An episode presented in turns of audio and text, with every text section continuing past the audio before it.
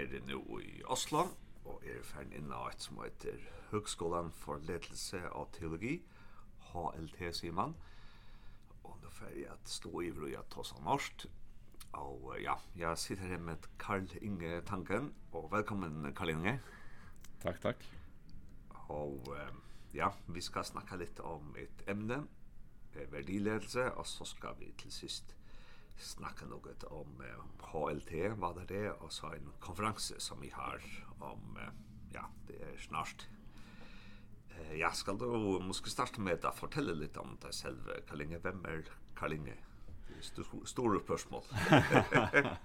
ja, när jag studerade i England så lærte jeg at når man skulle svare på det spørsmålet, sier man skulle si at jeg har, jeg har kone og to børn, og resten er propaganda.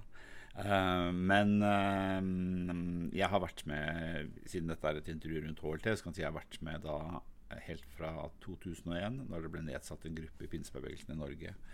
Ehm um, och så har jag också då varit pastor i Philadelphia kyrkan i samma tidsrommet, så jag har jobbat då med tillblivelsen av HLT och genomföringen av HLT i de siste 20 årene og har vært pastor i 6-27 år, ja, kanskje før det var ungdomspastor og sånn også, så jeg har brukt en sånn 20-30 år av livet mitt da, på å være med å bygge kirke og være med å bygge kristen høyskole.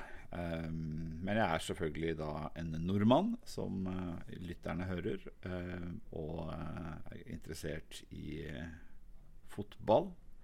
Um, samme, jeg holder med samme engelske fotballag som en ganske profilert færøysk fotballsupporter. Vi kan komme tilbake til det senere.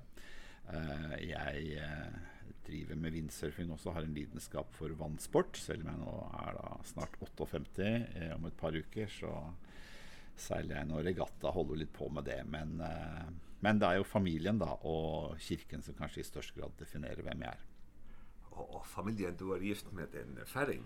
Ja, jeg er gift med Kara Lamhauge, som nå da heter Kara Lamhauge Tangen, eh, som kommer fra Skopund på Sandøy eh, mens mesteparten av eh, familien nå bor som mange andre færinger i, i Torshavn. Så er røttene eh, på Sandøy og i, i Skopen. Du fortalte at du var med til at etablere HLT. Hvor, hvor gammelt er HLT? Eh, HLT ble til i 2008, eh, og det var en, en fusjon, eller ble da et samarbeid mellom det norske baptistsamfunnet og pinsebevegelsen. Eh, Jeg kom på en måte da fra pinsesiden, og, og senere har også da eh, har vi nå som campus i samarbeid med en luthersk karismatisk menighet i Mikirken i Stavanger. Eh, så det er et samarbeid mellom da eh, vi kan si klassiske baptister og pinsevenner og lutherske karismatikere som da driver en høyskole som eh, som på en måte er forankret da, i de, de teologiske tradisjonene. Og så jobber vi ikke bare med teologi heller, vi har jobbet mye med verdibasert ledelse, og vi jobber også nå med samfunnsfag. Ja, og, ja, og du er så, var det forsknings... Jeg er forskningsleder. Jeg har hatt ulike roller. Jeg har vært da med pionerfasen hvor vi jobbet fram dette. Og så har jeg vært uh, faglig leder, og så har jeg vært rektor, og nå er jeg forskningsleder. Uh, er jo, kan du säga si, kanske upplever att det är jag har mest att bidra med är liksom in på de med sånn fagliga og forskningsmässiga sidan av skolan men har stor respekt för och har jo tidligere også vært rektor de som må jobbe med, med de administrativa sidorna. Det är en viktig åndelig tjänst det också. så ytter de fackliga ämnen som du har arbetat med det är så verdiledelse som vi ska snacka lite om. Ja. Vad vad kan man si, vad är värdiledelse? det, er, det er jo flere som I akademia er det gjerne flere perspektiver, men forenklet kan man si at uh, god verdiledelse er ledelse som er orientert mot uh, moralske verdier. Um, det finns en uh, skotsk filosof som heter Alistair MacIntyre, han snakker om at vi snakker om interne moralske goder, det vil si det är noen ting som vi ska göra for vår egen skull. Vi ska vi ska bry oss om människor, vi ska bry oss om miljøet. Eh vi ska sørge för att människor har det gott, inte för det lønner seg, sig, alltså för vi tjänar på det, eh, men fordi det är en verdi i sig själv. Eh och verdibasert ledelse vill prioritera eh, noen sånne moralske verdier og si de er viktige, og så skal vi tjene penger, eller vi skal i hvert fall ha nok penger til å drive en organisasjon som dette, så andre ting er viktige med infrastruktur og strukturer og makt og penger. Man kommer ikke utenom å forholde seg til det også i verden som den virkelig er, men, men det som skal være hjertet i en organisasjon og hjertet i ledelse, det handler om å virkeliggjøre eh, moralske verdier. Er det forbundet med at formulere misjon og visjon og och värdier. Någon Abs ab ab absolut. Ehm um, de två kanske mest kända skolorna i verdibasert ledelse är um, det man kallar for tjenende lederskap en amerikaner som heter Robert Greenleaf som på en måte reformulerte dette. Vi vil jo si at dette har røtter i Bibelen, men han reformulerte da dette på, på 70-tallet i USA, og da er visjon en viktig bit av det. Enda viktigere spiller visjon i såkalt eh, forandringsledelse eller transformativ ledelse som sier at det aller viktigste er å tegne et moralsk visjon for mennesker. Det er lederens oppgave sammen med sine medarbeidere, sånn at de som er med i organisasjonen kan leve for noe som er større enn seg selv. Eh, så både visjon og verdier er, er veldig sentralt da, i, i, i denne type ledelse. Min, min oppfattelse er at eh, mange det kan både være private virksomheter og skoler og menigheter, så de bruker måske lang tid til å formulere deres visjon, og så, ja, misjon, og så visjon, og så verdier. Men så har det tid til liksom stopper opp. Hva, hvorfor tror du at, at man bruker så lang tid på å formulere verdier, men så liksom, så kommer det ikke videre? Um, det jeg har forsket på og sett på, i hvert fall de organisasjonene jeg så på, så tror jeg at det ofte begynner med å finne hva er hensikten, hva er det dette egentlig handler om. Uh, og jeg tror egentlig at kristne organisasjoner drev med dette ganske lenge før um, man på en måte formulerte disse teoriene da, transformasjonsledelse ble formulert på slutten Nei, ja, altså det ble i hvert fall kjent på slutten av 70-tallet og nådde på en måte slo igjennom igjen på midten av 80-tallet, slutten av 80-tallet. Eh, men allerede forrige århundre så vil du jo finne at liksom sånn i skopen så har du jo misjonshuset. I Norge har vi Indremisjonen, Ytremisjonen, Santalmisjonen, så så tanken om at man eksisterer for en hensikt som da i de kristne organisasjonene var gjerne misjon å forkynne Jesus og gjøre disipler i verden. Selve liksom fenomenet, det er eldre enn teoriene, faktisk. Um, og så tror jeg at det som da er viktig, hva er viktig når man skal utforme en visjon? Der er det mange komponenter, men hvis vi skal peke på tre som er viktige, så er det for det første å være klar over hvilken historie er man en del av.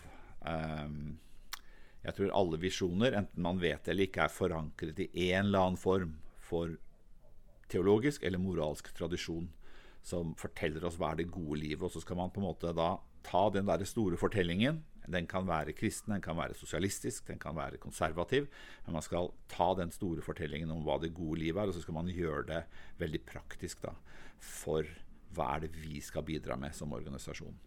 Eh, og da tror jeg det er viktig det andre elementet er jo motivasjon og forpliktelse. Eh, man må virkelig tro på dette selv. Eh, og man kan ikke bare liksom formulere visjoner som andre skal gjøre virkelige, men man, man må selv på ren bruke en bibelsk ja, man, man, må legge ned livet sitt for det man virkelig tror på, eh, og være villig til. Så jeg tror at det aller største problemet med visjonær ledelse er jo gjerne den siste fasen, som er implementeringen. Det er lett å, virkelig, å, å formulere en visjon men det vil ta mye lengre tid enn vi tror og virkelig virkeliggjøre det. Og problemet er liksom at vi er ofte litt sånn motivasjonsalkoholikere i, i vår verden i dag. Det gjør at vi ofte ikke tar lang nok tid til å implementere og virkeliggjøre en visjon før vi liksom hiver oss på en annen. Uh, så jeg tror, men, men, men, og så tror jeg det også er litt sånn her at det finnes enkelte mennesker Eh, så tror jag man ska förankra visionära processer i så många som möjligt fora en organisation, men jag tror det finns någon mennesker som har en gåva till att se lite längre, till att se vad som är det allra viktigaste vi ska göra som organisation. Och då tror jag att den typen visionære ledare också måste få lov till inte ha inte vara diktatorer, men få lov til å spela en viktig roll då i processer när man ska se hva, hvor är det vi ska gå, eh, varför är vi här, vilken forskjell er det vi ska bidra med i världen. Og hvis vi så tar det inn i en kristen sammenheng, hvis det er en kyrka eller en missionshus eller en karismatisk menighet, eh, eh, er, er det litt liksom utgangspunkt at, at ja, man skal starta med at formulere de her tre ting, mission og mission og ledelse? Eh, kanskje. Jeg, jeg vil nok starte et litt annet sted. Eh, jeg tror det er viktig å gjøre det. Eh, et, og de de, de organisasjonene jeg studerte, så er det viktig å gjøre det veldig enkelt. Eh, så enkelt at alle kan huske det og forstå det, så man må forenkle veldig mye. Så på den ene siden så skal det bli veldig enkelt. På den andre siden så tror jeg jeg ville startet, jeg ville startet med Bibelen hvis man var en kristen organisasjon. Og starte med kirkesamfunnets historie. Eh, hva er det som på en måte var sentralt? Hva er det vi, hva er det vi bringer til verden? på en måte. Og, og da vil det være liksom ulike sånne hjertesaker og varmefelt. I den lutherske tradisjonen, som jo er veldig stor og rik, så, så vil f.eks. tanken om at mennesket blir frelst ved nåde og ikke ved egne gjerninger, eh, frihet i Kristus, tenker jeg en luthersk organisasjon på en eller annen måte må forholde seg til. Så kan man ha andre hjertesaker og det kanskje ting, men, men det er noe da med arven enn eh, i brødremenigheten, eh, som jeg ikke kjenner så godt, men som jeg vet er viktig på, på, på Færøyene, så så vill ju nettopp detta här med att alla ska delta. Eh det är inte så väldigt hierarkiskt men på något alla ska eie, vi ska vara ett fällskap som gör ting samman. Det det vill vara en viktig värde att ta vidare. Selv om man också må öppna för visionära ledare i en pinsekarismatisk sammanhang så är det ju öppenheten för den helige ånd, åndens gaver, Eh det att inte vi på något ska driva menigheten i egen kraft men men öppna oss för att leva i avhängighet av och en sund balans också mellan mor och anden men så så disse, disse grundläggande tingene som ligger i traditionen tror jag är väldigt viktigt att starta med. Eh så väldigt många visionära ledare så är det väldigt ofta sånn att visionär ledelse sker ett uppbrott mot tradition man har hängt sig fast i ting. Eh Eh, så man må kanskje gå bak lover og regler og loviskhet som har oppstått etter hvert, og gå tilbake til hensikten. Hva, hva var liksom begynnelsen av denne bevegelsen? Hvorfor, hvorfor var det? Hva, hva, er vårt bidrag til verden? Og da må man kanskje ha et oppgjør også med ting i tradisjonen, men, men jeg tror at uh, den beste måten da, å formulere på en måte en ny visjon som er frisk, og, som, og så er det selvfølgelig sånn i kristen sammenheng bønn. altså hva man må spørre Gud, hva, hva har du kalt oss til å gjøre? Um, eh, och söka Guds ledelse rett og slett i bønn. Eh, och samtidigt så tror jag man kan göra disse tingene, se på det unike i sin egen tradisjon, søke Bibelen, lese den masse, for det er liksom grunntradisjonen som alle de kristne tradisjonene har felles. Eh, gå inn i bønn og søke det. Og så tror jeg også liksom da at man kan se seg selv i sammenheng med de andre. Um, veldig ofte da så har jo kristne bevegelser fremstått som det eneste sanne rette, men F.eks. den pinsekarismatiske bevegelsen kom jo ikke til live til å begynne med. Det ble sånn litt mer etter hvert. Den kom jo til å begynne med å si at vi skal, vi skal bringe denne dimensjonen av åndens gaver og erfaringer og ånden inn i hele kristenheten. Så de aller første pinsemennene, som i hvert fall i Norge, Barrat og sånn, vi ønsket jo ikke å starte egne kirkesamfunn, men man ønsket å være en del av en helhet. Så Jeg tror også at det er en viktig bit i en visjonsprosess at man ser seg selv som en del av en helhet. I dag f.eks. om vi skal ha en konferanse her senere om bærekraftig lederskap, så tror jeg vi må se at eh, hvis det nå er sånn at verden står overfor en miljøkrise og en klimakrise, så er det noe alle må forholde seg til. Eh, enten vi er buddhister eller kristne, enten vi er ateister eller vi er eh, pinsekarismatikere, så må vi også ta ansvar for felles goder eh, og forsøke å leve bærekraftige liv og hjelpe mennesker til ehm ja, å leve bærekraftige liv. Og så er det veldig mange vanskelige diskusjoner på hvordan ser det ut, hvilke konsekvenser det får, och så vidare. Eh, men, men selve grunnmotivasjonen, da, exempel fra den kristne perspektiv jeg eh, representerer, vil jo være at vi er, skapt, vi er en del av Guds verden. Mennesket er skapt i Guds bilde. Eh, och det är en dubbel uppgave. Vi är skapt av jorden, av stöv, så vi är en del av naturen. Men vi är också skapt att vara lovsångsledare om du vill eller präster i naturen, som ska förvalta den, som ska tillbe Gud, tacka Gud för den, och tillbe Gud sammen med naturen. Och så må vi finne, så, så går vi in i det offentliga rummet med ett sånt kristent världsbilde. Man behöver inte bli buddhistisk ökofilosof för att bli som miljö. Det, det kan man göra rätt så att vi å lese Bibeln. Eh, och så må vi finne måter då hvor vi lever bærekraftig liv, i forhold til Gud, i forhold til kirken. Vi må bevareta kirkens lære. Vi må ha bærekraftige relasjoner, gjør, og vi må ha bærekraftig ledelse som gjør at vi ikke sliter ut medarbeiderne og ødelegger dem. Eh, så det er mange dimensjoner av det. Eh, men, men eh, en god visionær tenkning da, kan ta disse store bildene og så likevel klare å pinpointe noen få ting som gjør at dette er det som er hjertet i det vi holder på med. Det vil være misjonsstatementen, og så vil visjonen bli litt større. Men jeg tror ofte at hjertet ligger i i det man kallar för mission statement på engelska där det som kan vara en hensiktserklæring på norska. Jag vet inte helt vad som är det danska eller färöiska bästa ordet för det, men det handlar till syvende och sist om hjärta. Eh det er, det derfor vi eksisterer. Det er derfor du finner masse bedhus i Norge for, som heter Santalmisjonen og Kinamisjonen, eller det heter før nå heter det noe annet, men, men og Indremisjonen, for det er at vi, vi brenner for noe. Ja. Og, og, og når jeg, ja, så vårt emne er verdiledelse, og jeg snakker litt nå om å formulere misjonsstatement og vision og, og noen kjerneverdier. Men, men for deg når jeg sier verdiledelse, er, er det mer enn bare liksom å formulere de her formulere er det också mer atfer som lederen har? A absolut. uh, verdiledelse är ett motbegrepp. uh, vi kunde kalt det teologisk basert ledelse. Eh, men eller man kunde kallt det eh, McIntyre som jag nämnde då. Han eh, är ju en katolsk filosof. Ehm så han är upptatt av eh, och då snackar vi på något också om då den den delen av katolicismen som liksom var för splittelsen med protestantismen så det är det är en felles kristen arv som går tillbaka till Thomas Aquinas och det som heter eh, dydsetikk eller dygdsetikk och som handlar om ehm för att si det lite tettere på det bibelska språket handler om åndens frukt rätt og slett om att vi inte bara skal göra kärlighet eller göra handlingar men Gud vill forma oss till att bli kjærlige, älskande människor. Eh och på många måter så vill jag säga att den bästa värdebaserade ledelsen är en dydsbasert ledelse som är forankret, i den kristne tradisjonen, for jeg er jo kristen, og som også bærer denne type moralske dyder som kjærlighet, som fredfullhet overfor andre, og som håp, tro, eh, inn i verden, og som samtidig da ikke gjør det på en måte som utsletter andre, men heller går i dialog med og møter andre som tenker og tror annerledes. Selv om vi også vil ha kulturkamper og være uenige og sånn, så, så følger vi også det er en form for kristen verdibasert ledelse å følge Jesus, rett og slett, i det også elske sine fiender. Og dermed også elske de som ennå ikke er en del av min kirke, eller min gruppe. Og annet så er de her dyter, og de her ting som kjærlighet, og nestre kjærlighet og sånn noe, er, er så verdibasert ledelse, Eh, alltså det är, är, är det kun liksom ledaren i menighet eller är det också liksom en atfärd som alla alla menighetsmedlemmar skall eller ja, och och det det tänker jag ju på många måter är och det kommer lite an på på på den teologiska tradisjonen man står i, men røffelig vil alle si, og særlig for eksempel brødremenigheten, da, ikke sant, si at dette her er egentlig ikke lederens hovedansvar. Det er vi sammen som skal bære åndens frukt.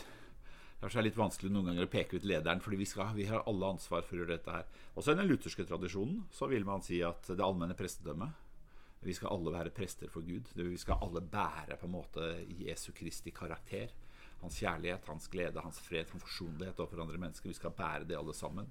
Så, så og, og så er det viktig å si, da, hvis du skal trekke inn det pinseperspektivet, men det vil jo brødremenigheten og lutheranerne også være enige i, og si at i et kristen perspektiv så er ikke dette bare liksom verdier som vi har valgt, eller som vi prøver å gjøre så godt vi kan, men, men det er til syvende og sist også Guds gärning. Det är den helige ånd som till syvende och sist gör oss i stand till att leva efter hans verdier, för att utan Gud, utan meg, sier Jesus kan det ingenting gjøre. Så därför så tränger vi också då eh det elementet i verdibasert ledelse som i et kristen perspektiv i hvert fall.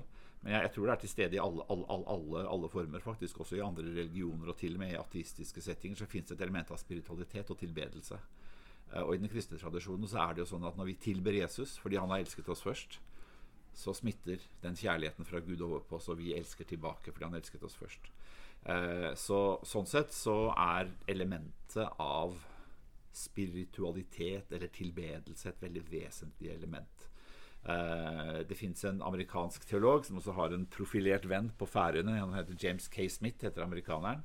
Eh, han eh, er nettopp opptatt av dette her, at vi blir det vi tilber så väldigt mycket värde och, och det betyder också liksom att vi driver egentlig ledelse når vi har lovsang i kirken. Det er kanskje den viktigste formen, er at vi lærer, vi driver ledelse når vi forkynner om Jesus, fordi det formidler de verdiene som vi dypest sett ikke kan skape selv, men som Gud kan virke gjennom oss. Da. Hvem er vennen på færøyene? Eh, det er vel eh, grunnleggeren av den nye brødremenigheten, eller litt frie brødre. Åh, oh, Ekvan Zakariasen. Egvan Zakariasen, han tror jeg er en venn av James K. Smith. Jeg håper ikke det er en hemmelighet, i hvert fall Jamie, jeg møtte Jamie, jeg er ikke noe god venn med han, eller jeg er ikke, jeg er ikke uvenn med han, men jeg er ikke nær venn med han. Ja, ja, ja. Han fortalte meg at han kjente han, ah. vi hadde han her på HLT for noen år siden, så ja, ja, ja. Da, da nevnte han Færøyene. Ja, så, så bra, så hyggelig. ja. eh, og så, ja, begriper jag lite tilbake till att formulera de her missionsstatement og vision og verdier, det närmaste synes jeg snakker om så det er så konkret. Men men när man så eh, jag har etablerat eh, du, du sier først at man går lite historien. Varför existerar vi som enhet? Vi går i bön, vi går i Bibelen, og vi ser oss i en større sammanhang i vår samtid, i vår kyrkokontext måske. Eh alltså när man ska välja de här värderingar så när vi har ja. etablerat missions statement och satt en vision ut eh ja så, så hvis vi talar om only frukter så är det någon som snackar om om sju only frukter vad många värderingar vill du se si? hvis det er menighet som gjerne vil gjøre de her ting, hvor mange verdier er overkommelige, skal man liksom opp på 20 verdier eller 3? det er vanskelig å si. Altså, på en måte sånn, fra et kommunikasjonsperspektiv, så, så få som mulig. Vi har vel en rundt 10-12 verdier, tror jeg, liksom, så... Så fra et kommunikasjonsperspektiv så er det å formulere så få keywords som mulig, på en måte. Ja Men fra et operasjonelt perspektiv så må du ha alle verdiene som trengs, på en måte, eller i hvert fall de viktigste verdiene. Så alle sånne øvelser blir sånn at man bunter sammen ordene, så det blir egentlig 100 ord som blir til 10 ord, ikke sant? Eh, så, men der vil igjen det avhenge litt av hva er denne organisasjonens primære hensikt, hva er vår tradisjon, hva er vårt bidrag til verden, og så videre.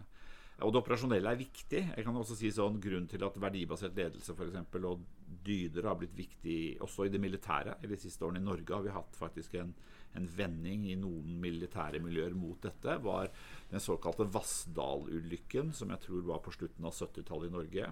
Hvor veldig mange soldater omkom i et snøskred. Og en av analysene av det var på en måte at man var for avhengig av regler, man var for avhengig av en sentral kommandostruktur. Eh, som man vil da i nyere militære Og det er egentlig her har skjedd egentlig helt sånn i militærfilosofi, helt fra Napoleon egentlig, og så overtok prøyserne det, og etter det så utviklet Tyskland verdens beste armé også.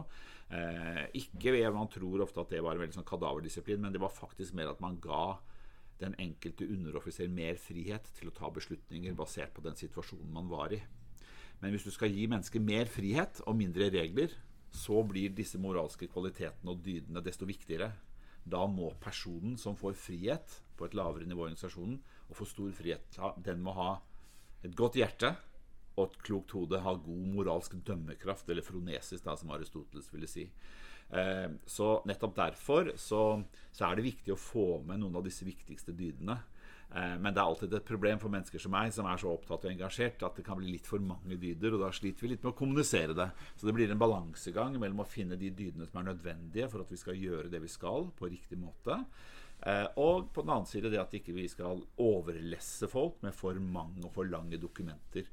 For da havner de bare i skuffen, og så blir det bare en teori och, och ja, och det som du sa ser med att man går tillbaka till historien för organisationen och ser den kontext man är i. Och det vill så säga hvis vi hade en varmestue som ni all har för, ja. för hemlösa och så tar vi en med ned uppe i Bergen att at, at, at de verdier som de två steder har det vill så vara forskjellige för det de har en forskjellig kontext. Ja, forskjellig kontext och selv om jeg nå då till nu har lagt väldigt vekt på traditionen så är det ju också sånn att vi kan lära også kristne organisasjoner kan lära lite av vad moderna bedrifter gör i en strategiprocess når man utvecklar en vision. Det er jo en så SWOT-analyse, hvor man ser på styrker och svagheter i organisation och muligheter och trusler i kontexten eh last time ta, ikke sant, også som Blå Kors. Uh, jeg vet ikke om dere har Blå Kors på Færøyene, så det tror jeg, ikke sant. Så kan vi si at ehm du har hatt mange former for avhengighet i samfunnet før. eh alkohol. Etter det kanskje former for narkotika. Nå ser vi nye former for avhengighet som kommer med internett, med dataavhengighet, den type spillavhengighet, pornoavhengighet osv. Eh, som gjør at Blå Kors kan ta sin visjon om å hjelpe mennesker til frihet, og kanskje også det som var hovedvisjonen var å hjelpe mennesker til frihet i Jesus Kristus. Man kan ta den visjonen og si dette gjelder ikke bare lenger alkoholikere, men vi, og jeg vet hva i Norge at man nå også da jobber med andre former for avhengighet, fordi konteksten forandrer seg, vi ser nye former for avhengighet i samfunnet, så må også visjonen på en måte være levende, og igjen da si at Jesus är vår centrala värdi eller han är mener, han är en person, en levande person så han är en värdi då. Och dumt med detta värdibaserat språket det reducerar till Jesus är ju en levande Gud, men han är också vår centrala värdi. Hans vision var att sätta människor fri. Ehm um, för 150 år sedan när avholdsbevegelsen växte fram i Norge och blev stark var det liksom alkohol som var det stora. I dag ser vi flera former för avhängighet. Därmed vill vi möta det på nya måter. Og der står man fremdeles, har man den samme visjonen, man har det samme hjertet, man står i den samme tradisjonen, men man lever ut den visjonen på nye måter. Det, det kan måske synes litt nytt at, at man skal formulere de her ting og ha noen dyter eh, ja, som hvis det var måske for 30 år siden så, så var det ikke mange der hadde det, men i dag liksom er det mange der har det. Tror du det henger sammen med at att vår hverdag er så fragmenterat. Vi är i så många forskjellige arenor att, at vi har liksom bruk for å formulere en et felles grundlag för at vi kan liksom bli knyttet sammen. Absolutt. Eh och det är ofta sånn att jobbfellesskapet är ett sted hvor mennesker også upplever brukar man brukar kanske mer tid med sina kollegor. Nu är det klart igen att uh, vad har covid gjort i forhold til hjemmekontor og dette her da. Men, men for veldig mange mennesker så er jo arbeidsstedet det stedet hvor man bruker mest tid sammen med andre. Og vi har behov for å bygge fellesskap, vi har behov for å bygge kultur. Eh, og i hvert fall i byer som Oslo så vil du også si at sånn som i, den, i min organisasjon her, eh, så kommer vi ikke lenger bare fra ulike kanter av Norge, men vi har i disse dager vi har en russisk medarbeider, eh, og det har sine utfordringer for henne å, å nå jobb her i Norge. Eh, vi har Kara, som også jobber her, som er fra Færøyene. Eh, dansk statsborger også, riktignok. Eh, vi har en fra Portugal. Eh, vi har en annen medarbeider, da, som er ukrainer. Eh, vi har medarbeidere fra mange steder. Eh, og så skal vi møtes på jobben med ulike kulturer. Og nettopp derfor så blir jo også da behovet for å definere fellesverdier, så vi kan samarbeide godt, veldig viktig mange steder i mange organisasjoner. Och och visst vi så snackar om det sväre som du har sagt det är implementeringen som ett att man har ja. liksom formulerat eh, vision statement och vision ja. och allt värdier men så är det etableringen. Ja. Vad ska vi göra för att det blir liv och inte bara dokumenter som man puttar i en skuffe? Ja. Eh uh, där är det väldigt det, det är ju ett väldigt väldigt stort och väldigt sammansatt ting. Ehm um, Så noen ganger så må man gi mer enn de basic svarene. Men et, hvis du spør meg, så er det jo én ting som er viktigere enn alt annet.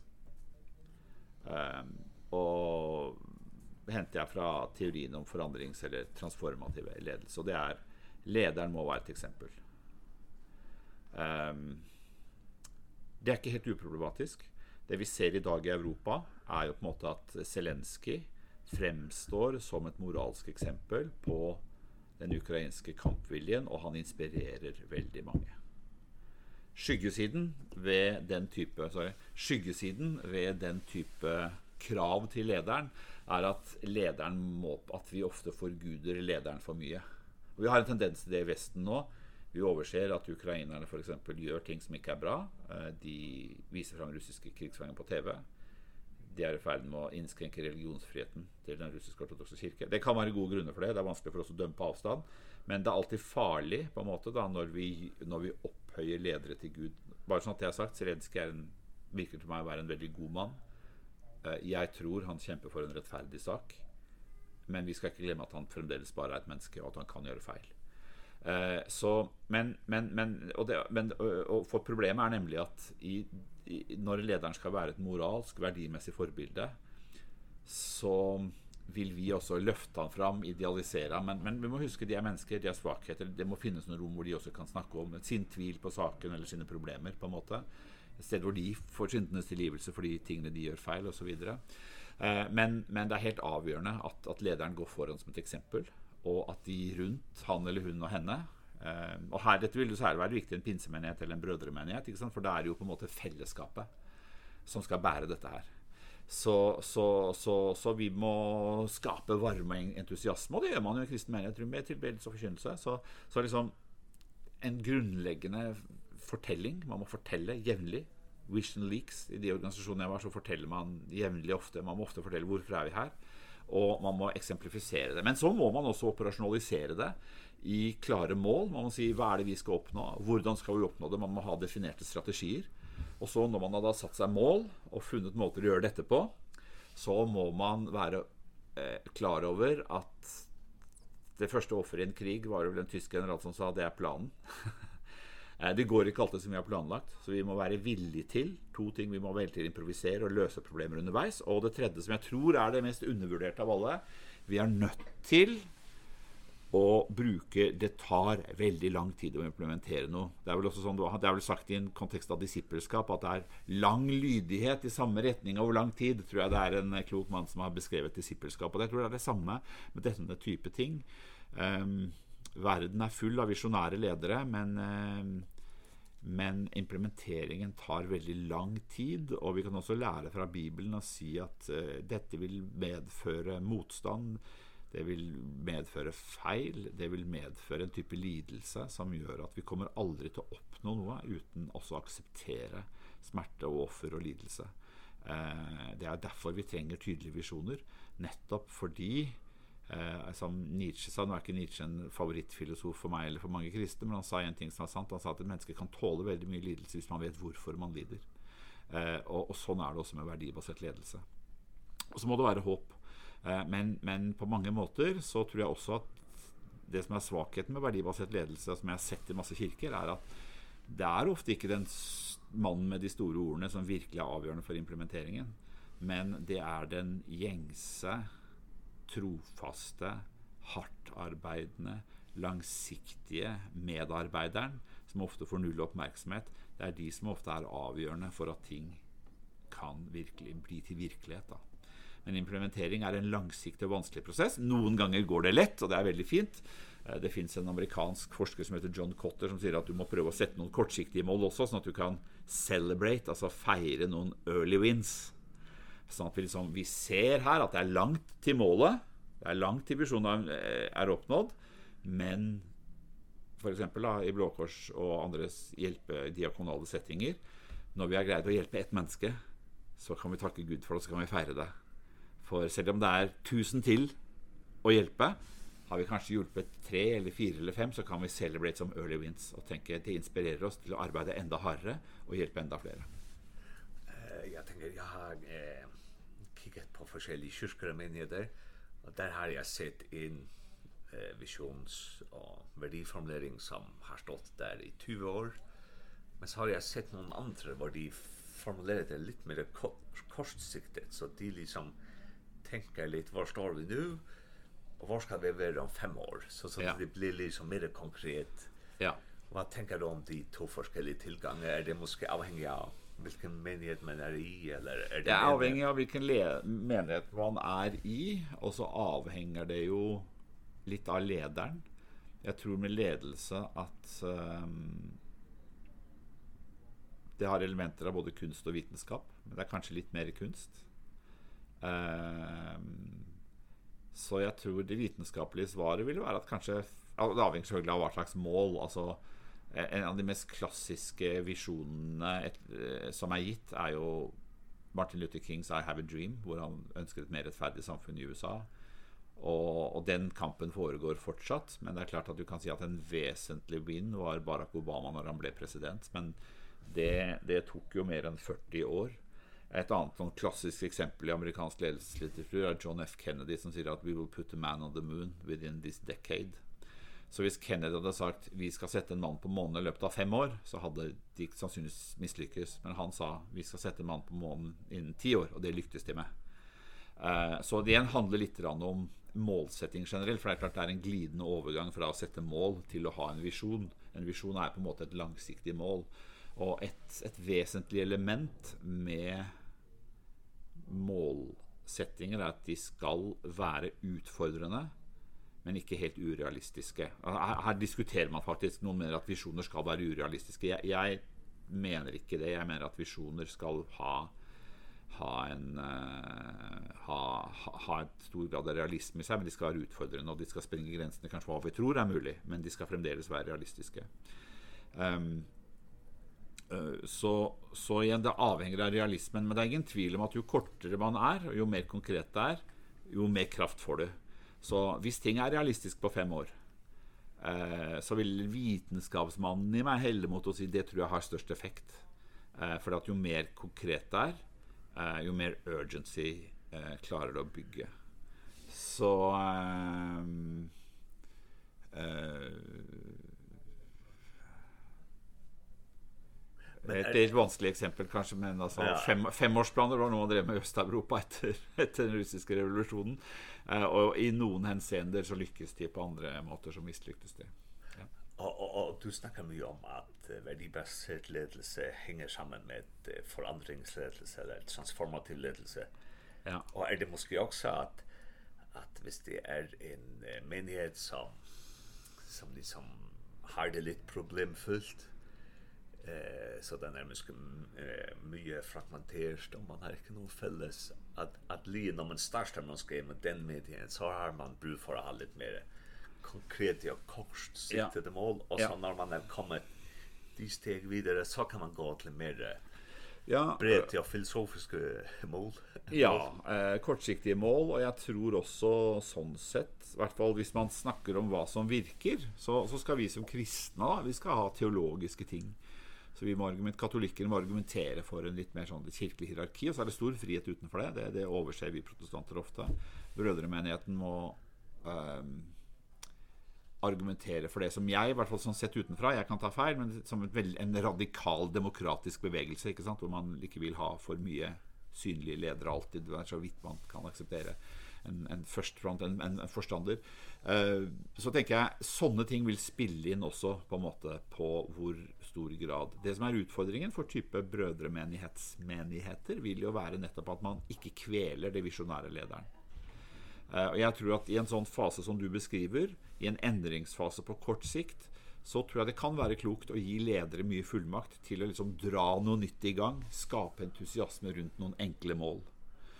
Men faren da, og det er noe vi ser i pinsekarismatiske kirker, det er at når det har gått 10, 15, 20 år, så tror jeg strukturen må vende, og kanskje før det, så må vende tilbake til litt mer demokrati.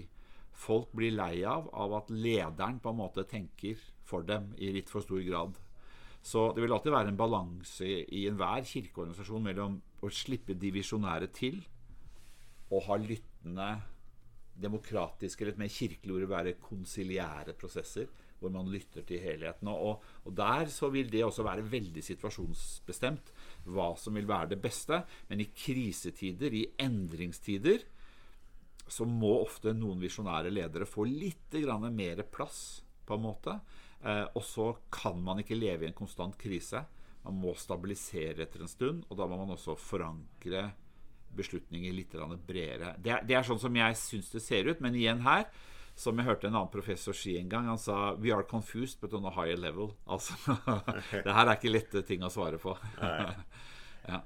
Och, och, och så tänkte jag att du du snackade om värdibaserad ledelse och så tog du det med servant leadership alltså den tjänande ledare och det ser du mycket gott när man har några värdier så ska måske presten eller ledaren han ska liksom ta det opp i predikaner och så också visa det du där i det praktiska liv. Ja. Och och där kom du in på att man skulle liksom tjäna så. Man ska tjäna och så kan man inte kräva av människor. Det finns bara ett människa som har fullkommet vad Jesus Kristus. Sånn at også, jeg tror det vil være en mer sunn form for transformativ ledelse, hvis vi snakker ærlig om at ledere er feil, men at ledere også trenger å få tilgivelse og be om tilgivelse. Mm så att vi inte skapar urealistiska förväntningar. Ja, så man inte blir en idealledare men ett en medelmänniska som kan fejla. Ja. Så man blir på en måte ett ett förebild men ett förebild som lever i omvändelse och inte försöker att vara perfekt och att heller inte vi för här sker ofta fel. Det är inte bara ledarens skyld nämligen det er veldig ofte at vi også projiserer våre ønsker og krav på lederen og sier at du er en engel. Og så når vi da ser at vedkommende er feil, sier vi nei, Han er en maktmisbruker. Vi må prøve å ha en litt mer sånn sunn balanse i forhold til ledelse. Vi, vi kan beundre de som har gode verdier, men vi skal ikke forgude dem og heller ikke kreve for mye av dem. Nu kommer det til 1000 dollar spørsmål, så, så, så, så Ja, så vi kan se at verdibasert ledelse kan i bibelsk sammenheng hänger bundet opp med den tjenende leder som Jesus var. Ja. Men når vi snakker forandringsledelse, er, er det liksom noe bibelsk som vi kunne Ja, det er, det er mange eksempler, og igjen så er det litt sånn uh, Gud er jo den beste lederen, um, og vi ser ledelse eksemplifisert i Jesu liv, men vi ser også hvordan Gud skaper endring i apostlenes gjerninger. Og der ser vi at Gud gjør det på veldig mange forskjellige måter, uventede måter. Eh, noe som er veldig vanskelig å svelge for folk som er veldig into, liksom, veldig er inne i det her med transformativ ledelse og den visionära lederen, det er jo at en av de første store endringene vi ser i kirken av Apostelens gjerninger 6, oppstår jo som en krangel mellom fattige jødisktalende og hebraisktalende enker i Apostelens gjerninger 6. Og i stedet for å bare liksom Vi har en visjon, vi skal sånn, så Så, lytter apostlene, og så gir, utnevner de faktisk syv diakoner med Philip, sånn at denne gruppen da blir bedre ivaretatt på egne premisser. Og så ser vi at det i neste omgang leder til vekkelse opp i Samaria hvis vi går fra Apostlenes gjerninger 60 kapittel 8. Vi ser en enda mer radikal endring som skjer på Gud i, i kapittel 9 og 10 av Apostlenes gjerninger, hvor ånden leder Peter til å forkynne for den romerske. Altså, det er jo på en måte okkupasjonsmakten, på en måte. Det er okkupasjonsmaktens offiser Cornelius og ånden leder. Og Peter, liksom, han får et syn fra Gud, og de fleste av oss karismatikere ville vært overveldet av glede når Gud viser han noe, men han sier jo nei, ikke tale om, ikke sant? Jeg vil jo ikke gå til hedningen eller til å spise urent, men, men Gud, Gud leder han, og så, så faller den hellige ånd over Cornelius mens han står og taler. Og så kommer vi først til apostelens gjerning i 15, hvor det er et kirkemøte, hvor det er konsiliære demokratiske prosesser, men det er noen ledere. Og så, og så, og så skjønner Kirken her at Gud er i ferd med å kalle flere enn jøder inn i dette her. Jesus mente hva han sa når han sa 'gå ut og gjør alle folkeslag til mine disipler'. Og så skjer det en endring. Og i det, i det tilfellet så er det klart Peter er viktig. Den hellige ånds kraft som kommer over Kornelius, er viktig eh, den demokratiske samtalen, som nok foregår først på en lederplan, men de gjør det foran hele menighetens ansikt og stiller seg til ansvar for hele menigheten. Så kan man tolke liksom, apostelens gjerninger 15 mer demokratisk eller mer lederstyrt, det, det, det, det kan man gjøre, men det er i hvert fall sånn at hele menigheten er involvert på et eller annet nivå. Så her ser vi på en måte Så jeg tenker Apostlenes gjerning i 15 er en ganske god måte å se etter endringsledelse på. Men Det er ikke sånn som i ledelseslitteraturen at du får fire punkter. Her er oppskriften for alle situasjoner. Du ser at Gud gjør ting ganske forskjellig i ulike kontekster. Og så må vi da kanskje utvikle en litt mer komplisert bilde av virkeligheten, samtidig som man forsøker å gjøre enkle ting. Ja, vi kunne snakke i flere dager, tror jeg, Karlinge. Ja. Men det kan vi så ikke, så vi springer vi over til HLT, Høgskolen for ledelse og teologi. Og lige sige for færskolitterat når vi ser høgskole på norsk så är det mer en videregående skola eller ett universitet. Så ja, i, i norsk och dansk så er det mer en bibelskola. Riktigt. Riktig. Det, det, det er ikke en folkhögskola i grundtvigstradition, men det är mer ett university college. Yes, precis, ja. ja. Og, og uh, vad vad vad vad bedriver i med på helt här? Är det både forskning och utdannelse? Ja, vi driver med forskning och utdannelse. Vi har sagt att vår vision är att vara praktikernes bästa vän. Så vi försöker också driva fagförmedling. Vi försöker att vara en del av det som sker i baptistsamfunnet och i pinsebevegelsen. Och också våra lärare fra den lutherske campusen i Stavanger er med i Eldsterådet og er sentralt med i lovsangen og, og er med og tjener. Og de, ja. Så vi ønsker å være veldig tett på praktikerne. Så vi er et universitetscollege da, som er på en måte, håper jeg, mye mer tett på kirken og tett på praktikerne. Og mange av oss, jeg har jo selv da vært pastor i, i 27 år, så får vi se hvor lenge det varer. Men, men um, uh, for det er ganske slitsomt å gjøre begge deler også. Uh, så vi ønsker å være tett på det. Men vi driver forskning. Eh, vi har vært eh, i år, og vi driver undervisning. I år skårte vi faktisk best av alle sko høyskoler og universiteter i Norge på noe som heter Studiebarometeret. Det var ikke min skyld, for jeg dummet meg til mitt kurs i år, men, eh, men vi skårte faktisk høyest og best av, av alle. Vi har også stort sett skårt høyere på forskning, i gjennomsnitt per forsker, eller per, per faglig ansatt. Eh, så vi forsøker eh, akademisk integritet og i og for seg excellens da hvis man skulle bruke en sånn tydsgreie. Det er en viktig verdi for oss, men det aller viktigste verdien er først og fremst å være tro mot Jesus og misjonsbefalingen. Og da lever vi i dette spenningsfeltet mellom å drive forskning, så vi skal lytte til alle, alle faglige tradisjoner, eh, men vi skal også være forankret da i våre egne eh, bibelske tradisjoner, om du vil.